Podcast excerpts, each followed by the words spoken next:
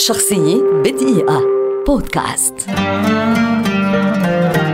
إنريكي إغليسياس مغن وملحن إسباني ولد عام 1975 في مدريد ويعد واحدا من أشهر فناني البوب وال R&B في إسبانيا والعالم وهو النجل الأصغر للمغني الأسطورة خوليو إغليسياس عام 1995 وضع إنريكي قدمه على أولى درجات سلم النجاح عندما أطلق ألبومه باسمه باللغة الإسبانية وباع الألبوم أكثر من نصف مليون نسخة في أول أسبوع فكان أول ألبوم بلغة غير إنجليزية يحقق هذه المبيعات وفاز الألبوم بجائزة جرامي. بعدها بعامين ارتفعت أسهم إنريكي بإطلاقه ثاني ألبوماته Vivir باللغة الإسبانية أيضا. وهذا الألبوم وضعه مع كبار النجوم في ذلك الوقت من ناحية المبيعات ومكنه من خوض أولى جولاته الفنية مع أهم نجوم العالم.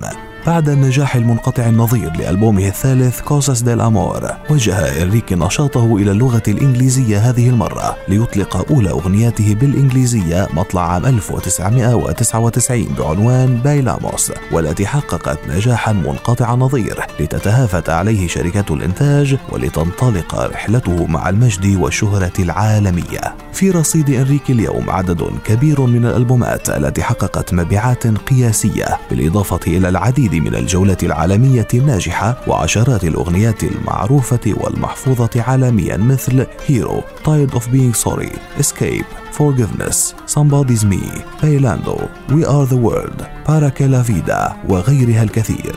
ويعد إنريكي إغليسياس واحدا من الفنانين اللاتينيين الأكثر شهرة في التاريخ وقد فاز بعشرات الجوائز خلال مسيرته مثل Billboard Music Awards جوائز الموسيقى الأمريكية والجرامي عدة مرات. وقد حصل على جائزة الفنان الإسباني الأكثر نجاحا في العقد عام 2002 وفاز بسبع جوائز World Music Award شخصية بدقيقة.